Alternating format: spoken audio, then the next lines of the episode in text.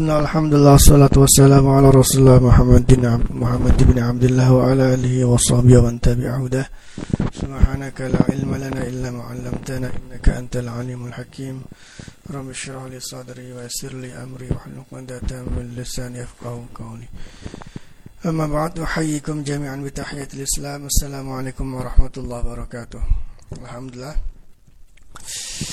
kita kembali akan melanjutkan kajian uh, tafsir Al-Maraghi dan memang waktunya sengaja saya undur ya.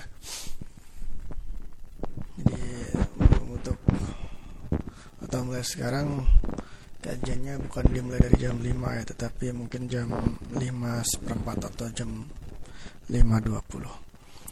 Alhamdulillah pekan lalu kita juga sudah menyelesaikan surat Al-Falaq dan sekarang kita akan membahas surat Al-Ikhlas.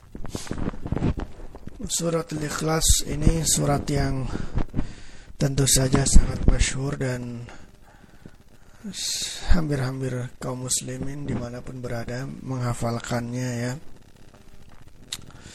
Karena memang suratnya sangat pendek gitu ya. Dan tentu saja familiar di tengah-tengah kita mudah diingat dan mudah dihafalkan. Tetapi seperti yang kita ketahui walaupun ini apa namanya suratnya pendek tetapi di dalamnya mengandung pelajaran-pelajaran yang sangat fundamental dalam agama kita ya.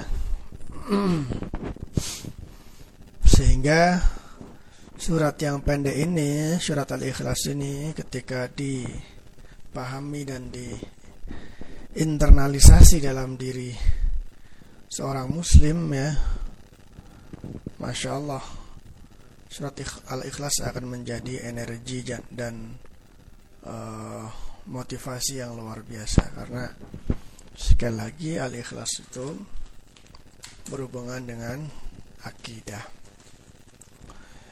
disebut surat Al-Ikhlas karena dia berbicara tentang akidah. Sementara keyakinan atau akidah itu memang harus ikhlas ya, harus murni. Ikhlas itu artinya murni. Akidah itu harus terbebas dari naudzubillah segala bentuk kesyirikan gitu kan Makanya disebut surat Al-Ikhlas. Walaupun sebenarnya kalau kita perhatikan di dalam rangkaian ayat-ayatnya tidak ada kata Al-Ikhlas itu nggak ada. Berbeda dengan Al-Falak dan An-Nas yang memang ada kata Al-Falak dan An-Nas dalam dua surat itu, tapi kalau Al-Ikhlas nggak ada. Secara lafat tidak ada kata Al-Ikhlas dalam rangkaian surat Al-Ikhlas tetapi dari segi makna ya karena surat Al-Ikhlas ini berbicara tentang akidah, tentang keyakinan dan dengan demikian surat ini ingin menegaskan kepada kita bahwa akidah itu harus harus ikhlas gitu ya. Hiya makkiyatun wa ayatu arba'un nazalat ba'da suratin nas. Jadi surat Al-Ikhlas itu makkiyah. Makkiyah itu turun sebelum hijrah. Empat ayat dan turunnya setelah surat An-Nas. Asbabu nuzuliha. Kemudian apa kira-kira faktor yang menjadi sebab turunnya surat An-Nas eh, surat Al Al-Ikhlas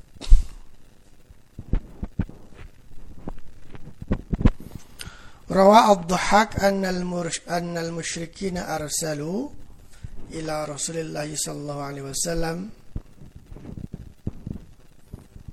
عامر بن الطفيل فقال له عنهم شققت عصانا وسببت آلهتنا. Wa sababta alihatana wa khalafta dina abaika fa in kunta faqiran aghnaynaka wa in kunta majnunan dawainaka wa in kunta qad hawita imra'atan zawajnakaha uh, Imam Abdul meriwayatkan bahwa suatu ketika beberapa orang musyrik mengutus Amir bin Tufail untuk menghadap Nabi Muhammad sallallahu alaihi wasallam.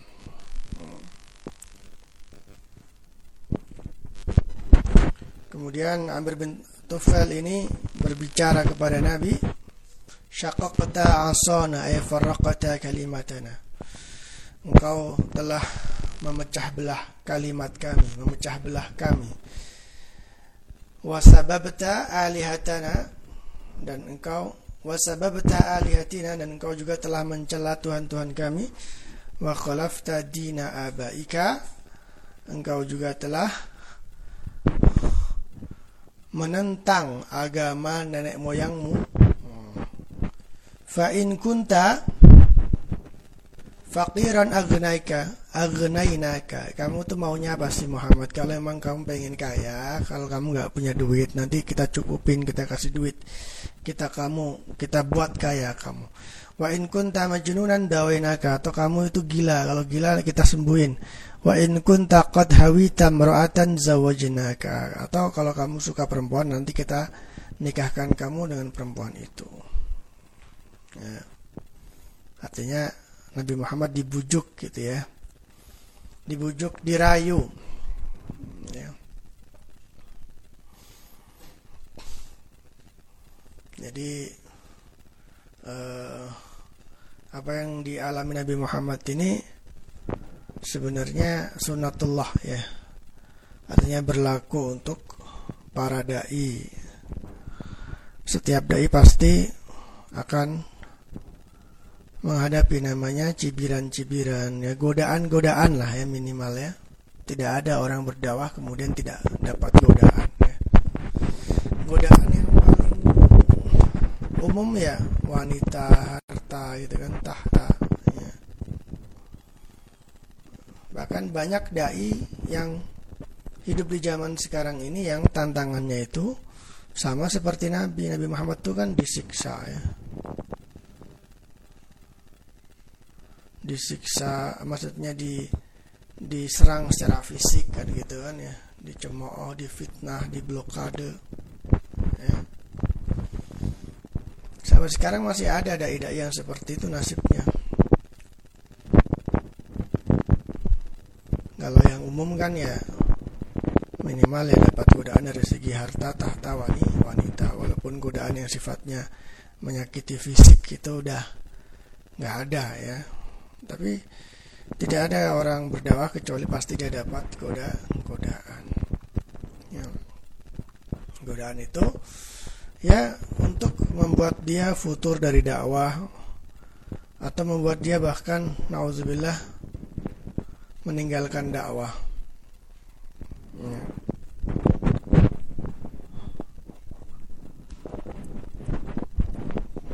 Nabi Muhammad godaannya banyak sekali. Pertama dibujuk gitu kan, ya dirayu. Nah setelah nggak mau baru serangan-serangan yang sifatnya fisik ya, terutama yang mengenai para sahabatnya. Jadi kalau dalam riwayat ini itu Nabi Muhammad dibujuk ya dirayu kamu pengen duit kamu pengen perempuan kan ya. Faqala Rasulullah sallallahu alaihi wasallam lastu bifaqirin wala majnunin wala hawitu mura'atan Aku tidak fakir, saya juga tidak gila dan aku juga tidak tergila-gila atau sedang suka sama seorang perempuan kata Nabi Muhammad kepada Amir bin Tufail Ana Rasulullah Saya itu Rasulullah Ad'ukum min ibadatil asnami ila ibadati Aku mengajak kalian Dari ibadah kepada berhala Menuju ibadah kepada Allah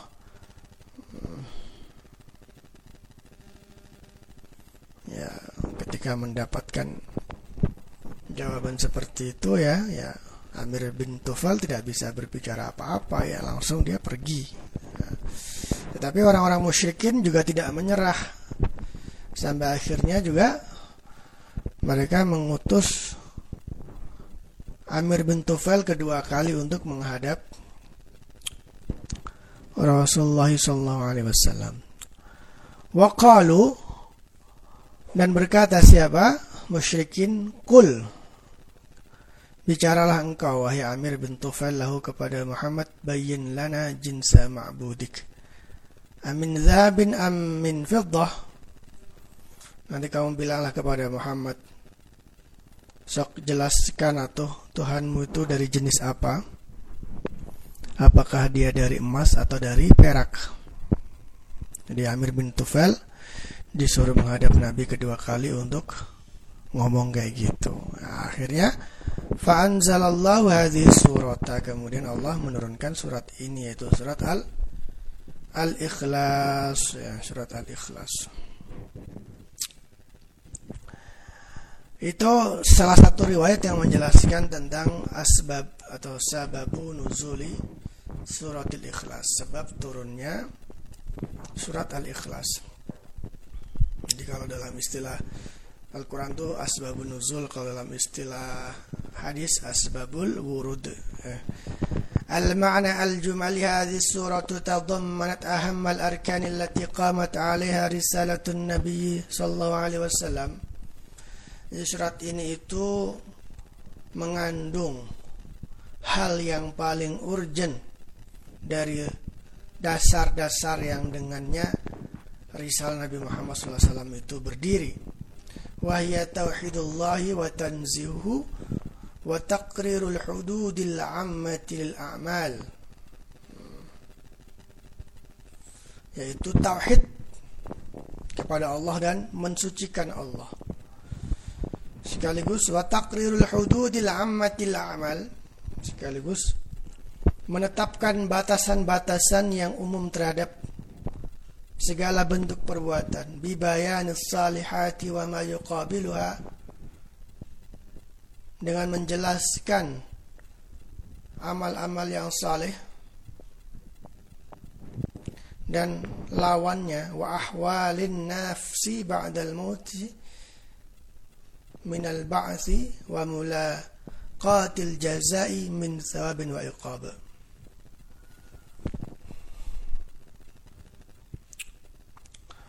dan penjelasan tentang kondisi manusia setelah mati ya.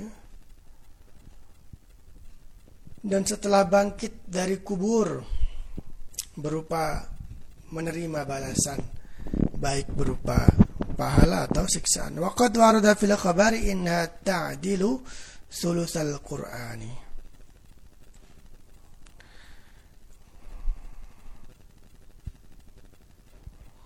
Dan sungguh telah dijelaskan dalam satu hadis bahwa surat Al-Ikhlas itu setara dengan sepertiga Al-Quran. Lianna man arafa ma'naha wa tadabbara ma ja'a fima fiha ma ja'a fiha haqqa tadabbur alima anna ma ja'a fi dini min at-tauhid wa tanzihi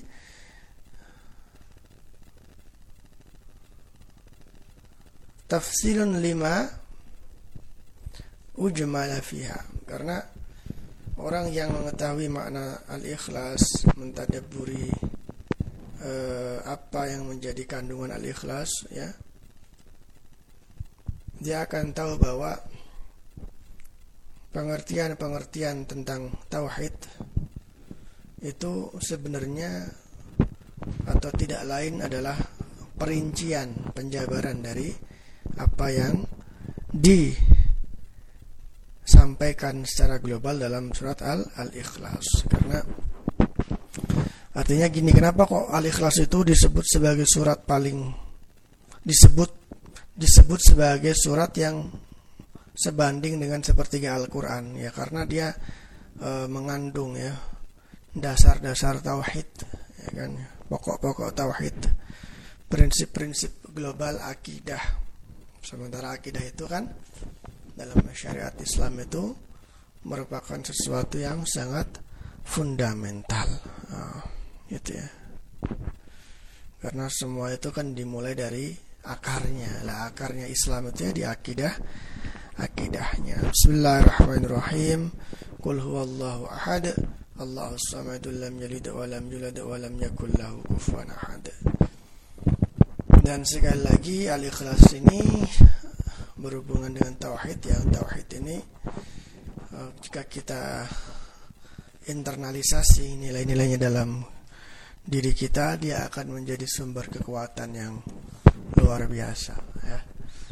Seorang dai pernah mengatakan tauhid itu intinya apa sih? La ilaha illallah itu intinya ya kita tidak bersandar kecuali kepada Allah Subhanahu wa taala ya. Jadi tauhid itu sebenarnya maknanya sangat luas dan sangat dalam ya. Nah, dalam kajian-kajian uh, Islam juga banyak lah ya dijelaskan ya bagaimana la ilaha illallah itu maknanya la ilaha itu la ma'budah la marhuba la marhuba itu kan ya la mahbuba ya. Nah, atau gampangnya mah tidak ada yang disandari kecuali Allah Subhanahu wa taala. Jadi nggak main-main arti tauhid itu. Makanya kalau bisa dipahami dan dilaksanakan betul-betul manfaatnya juga nggak main-main. Ya, karena membentuk mental, membentuk kepribadian yang kuat ya. Karena manusia yang kuat itu kan bermula dari jiwa yang kuat ya. Jiwa yang kuat itu karena dia dibangun oleh keyakinan yang kuat. Makanya kalau tauhid ini benar-benar menjadi keyakinan bukan menjadi hafalan atau teori, dia tentu akan menjadi sumber kekuatan. Ya. Dan beberapa hari yang lalu ada yang pernah bertanya atau minta motivasi gitu kan. Akhirnya kita sampaikan kepadanya ya. Motivasinya ya la ilaha illallah muhammadur rasulullah. Jadi la ilaha illallah muhammadur rasulullah itu juga sebenarnya motivasi. Makanya Nabi Muhammad mengatakan jadidu imanakum biqauli la ilaha illallah muhammadur rasulullah.